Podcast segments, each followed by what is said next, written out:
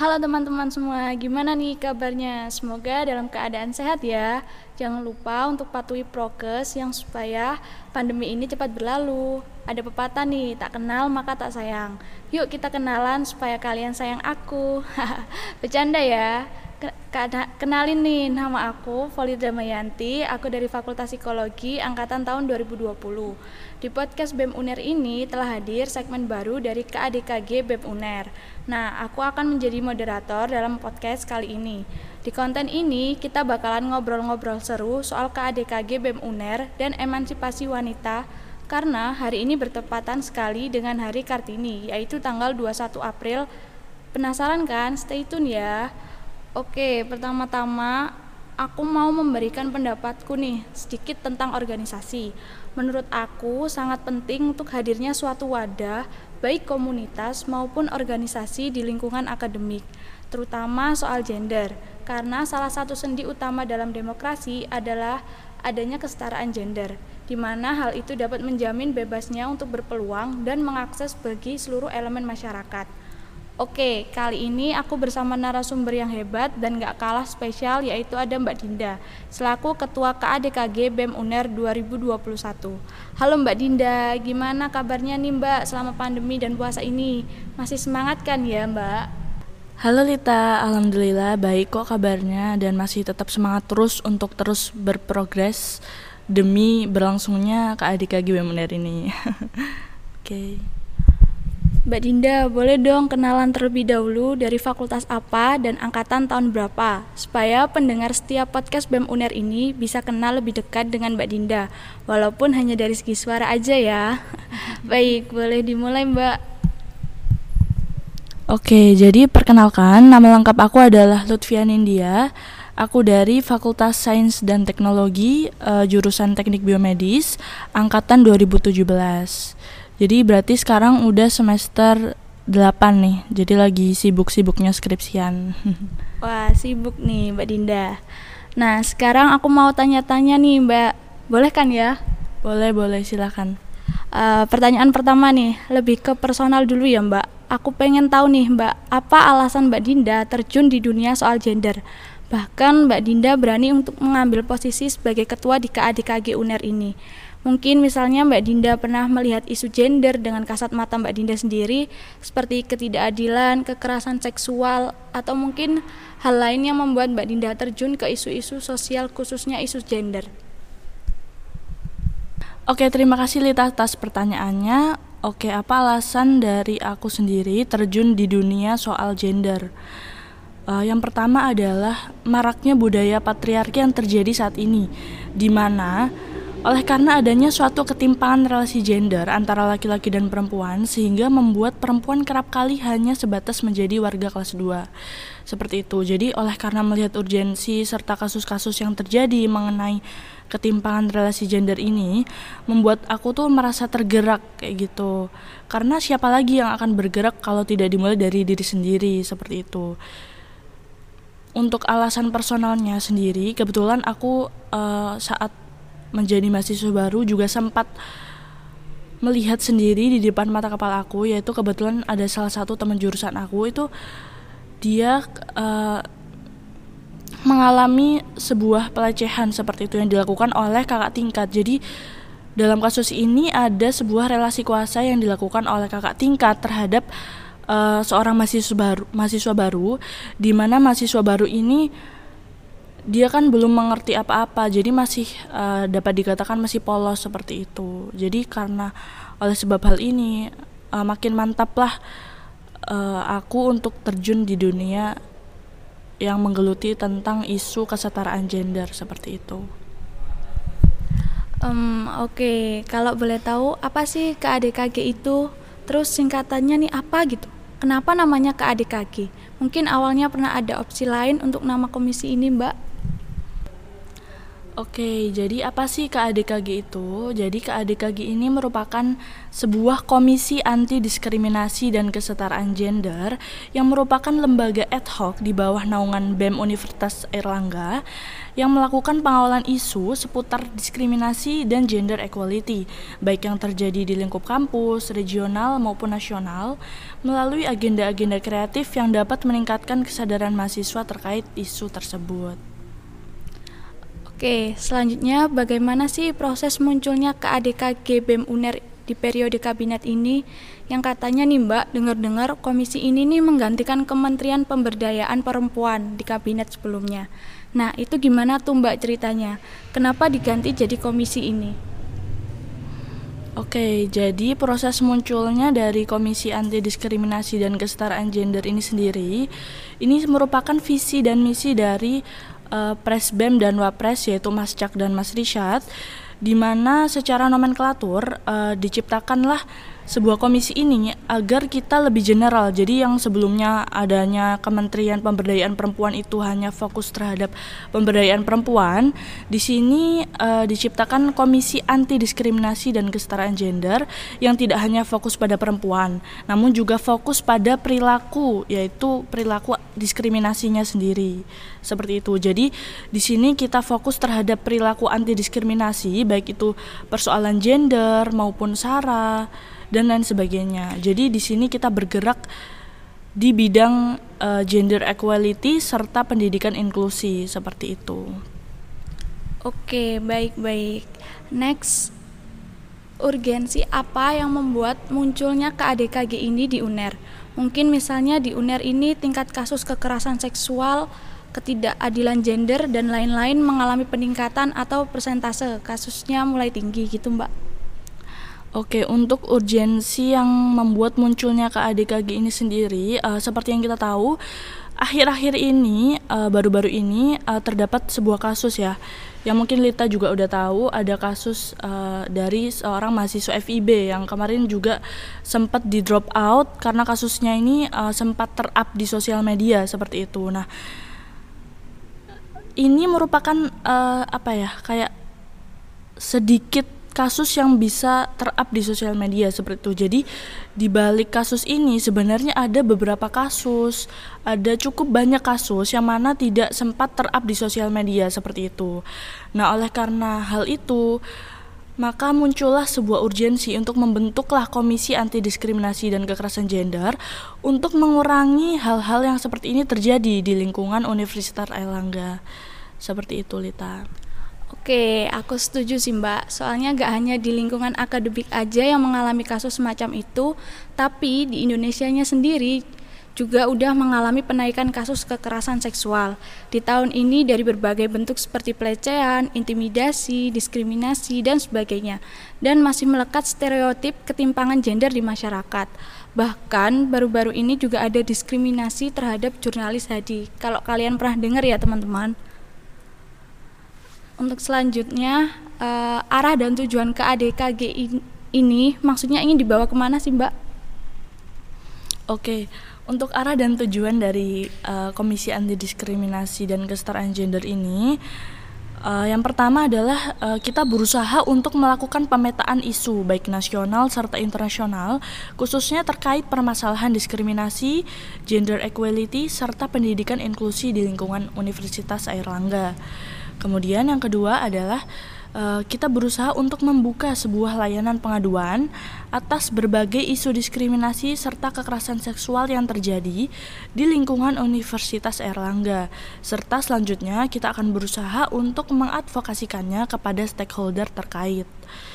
Kemudian yang ketiga adalah hmm, di sini kita berusaha untuk memperkuat jejaring dengan lembaga lain, mungkin seperti LSM, eh, Komnas Perempuan dan HAM, uh, dan stakeholder lainnya untuk meningkatkan kualitas hasil kajian dan untuk melakukan pengawalan isu terkait maupun menjalin kerjasama untuk mengadakan mungkin seperti program pelatihan ataupun program pendampingan terhadap korban yang mengalami kasus kekerasan seksual dan lain sebagainya.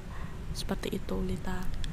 Oke, kalau dari struktur kepengurusan komisi ini sendiri itu gimana, Mbak?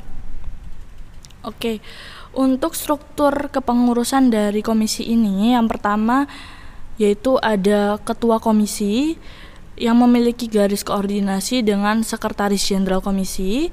Kemudian di bawahnya ada sekretaris dan bendahara untuk menjalankan administrasi. Kemudian di bawahnya lagi ada beberapa departemen yang mana menjalankan sesuai dengan tupoksi masing-masing. Seperti itu uh, untuk departemen di KADKG UNER itu uh, gimana sih tugasnya dan peran masing-masing dari departemen itu apa? Oke, okay, untuk departemen-departemen yang ada di Komisi Anti Diskriminasi dan Kesetaraan Gender ini, yang pertama ada Departemen Hubungan Antar Lembaga, yang mana di sini bertugas untuk menjalin hubungan dengan lembaga lain seperti LSM, kemudian Komisi Nasional, dan stakeholder lainnya untuk meningkatkan kualitas hasil kajian serta pengawalan isu terkait, serta agar dapat menjalin kerjasama untuk mengadakan program kerja yang berkaitan dengan gender equality serta anti diskriminasi seperti itu. Kemudian yang kedua adalah Departemen Kastrat yaitu kajian dan aksi strategis di mana departemen ini melakukan pengkajian serta pengawalan isu nasional dan internasional khususnya terkait dengan permasalahan diskriminasi, kemudian kekerasan seksual, gender equality, uh, serta kajian-kajian ini nantinya akan dipublikasikan untuk uh, membentuk adanya naskah akademik atau policy brief seperti itu. Kemudian yang ketiga ada Departemen Media dan Informasi atau Medinfo, di mana Medinfo ini akan mengelola sosial media milik komisi uh, mungkin teman-teman bisa follow ya Instagramnya @kadkguner. Nah ini dihandle oleh teman-teman dari Departemen Medinfo yang mana uh, akun sosial media ini digunakan untuk mempublikasikan mengenai perkembangan hasil kajian serta pengawalan isu terkait dengan gender equality, uh, anti diskriminasi dan lain sebagainya seperti itu.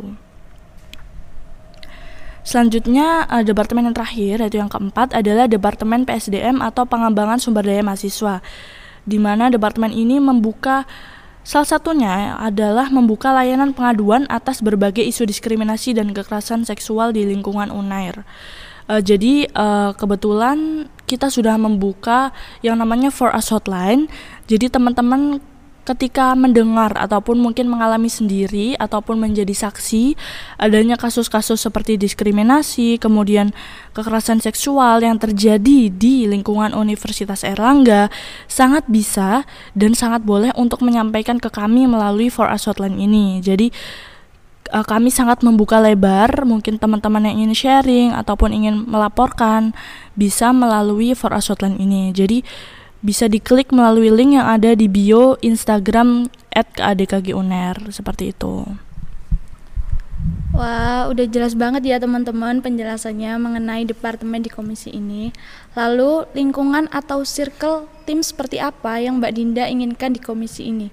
Misalnya Mbak Dinda menginginkan adanya lingkungan kekeluargaan yang erat atau tidak adanya senioritas. Sesuai dengan visi misi dari Kabinet Dekat BEM Universitas Erlangga tahun 2021 ini, yaitu uh, kita menerapkan sistem manajerial organisasi yang mengedepankan aspek integritas dan profesionalitas. Di samping itu, kita juga menerapkan budaya organisasi yaitu kritis, open-minded, tanggap, inovatif, serta kompetitif transformasional. Seperti itu upaya-upaya uh, apa aja yang diusahakan KADKG UNER untuk mencapai tujuannya?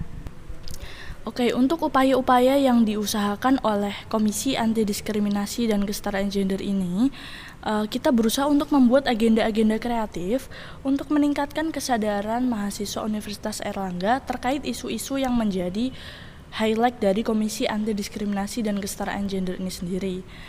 Nah, mungkin ini adalah beberapa contoh program kerja yang telah kami susun. Yang pertama yaitu adanya For Us Hotline uh, berupa layanan pengaduan seperti yang sudah aku jelaskan sebelumnya.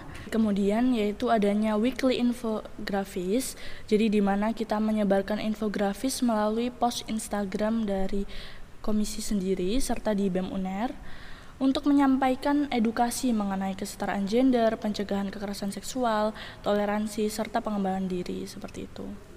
Kemudian yaitu adanya weekly infografis, jadi di mana kita menyebarkan infografis melalui post Instagram dari komisi sendiri serta di BEM UNER untuk menyampaikan edukasi mengenai kesetaraan gender, pencegahan kekerasan seksual, toleransi serta pengembangan diri seperti itu. Selanjutnya juga ada Anti Discrimination Week yaitu merupakan perlombaan karya-karya kreatif seperti film pendek, jurnal, poster, um, kemudian adanya pembacaan puisi dan sebagainya dalam rangka mengkampanyekan nilai-nilai anti diskriminasi dan kesetaraan gender seperti itu. Kemudian ada juga seminar nasional yang akan mendatangkan berbagai pembicara hebat yang memang merupakan pakar di bidangnya untuk mengedukasi tidak hanya mahasiswa di Universitas Erlangga, namun juga uh, seluruh mahasiswa di Indonesia seperti itu. Kemudian juga ada uh, ke ADKG Podcast yang mana sekarang sedang kita lakukan. Di sini merupakan siaran suara offline yang nantinya insya Allah akan dilaksanakan setiap bulan dengan mengusung tema yang berbeda untuk menyampaikan konten terkini sebagai media informasi dan hiburan terkait informasi terbaru mengenai Komisi ADKG dan membangun branding terkait komisi ADKG ini di khalayak umum seperti itu. Mungkin itu sedikit banyaknya dari program kerja yang sekarang mungkin sedang kita kerjakan, namun tidak menutup kemungkinan untuk nantinya komisi anti diskriminasi ini akan membuat uh, sebuah program kerja baru. Jadi nantinya program kerja ini akan bersifat insidentil seperti itu. Uh, untuk itu seberapa penting komisi ini ada di lingkup akademik, Mbak? berapa berapa persentasenya seperti 85% kah atau 90% atau 100%? Oke. Okay. oh, kalau dari aku ya mungkin uh, harus yakin ya ini uh, 100%. Karena melihat urgensi yang udah aku sampaikan sebelumnya, sa aku rasa dengan adanya komisi ini nantinya dapat uh, membawa sebuah perubahan mungkin untuk ke depannya terhadap Universitas Erlangga seperti itu.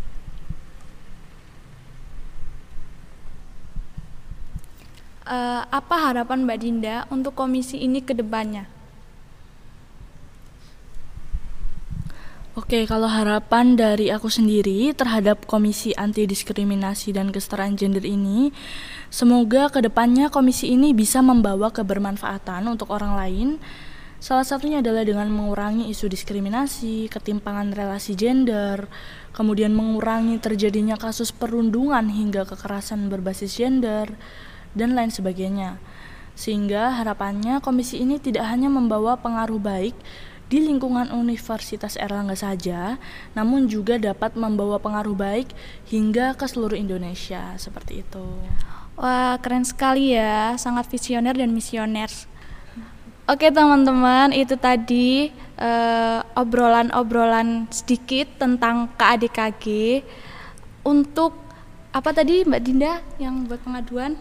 Uh, jangan lupa untuk follow Instagram KADKG Unair. Terus uh, untuk teman-teman yang mungkin melihat atau menjadi saksi atau bahkan menjadi korban sangat bisa sekali untuk kontak kita di For Us Hotline yang linknya ada di bio Instagram dari @kadkguner. Oke, jangan lupa follow ya teman-teman.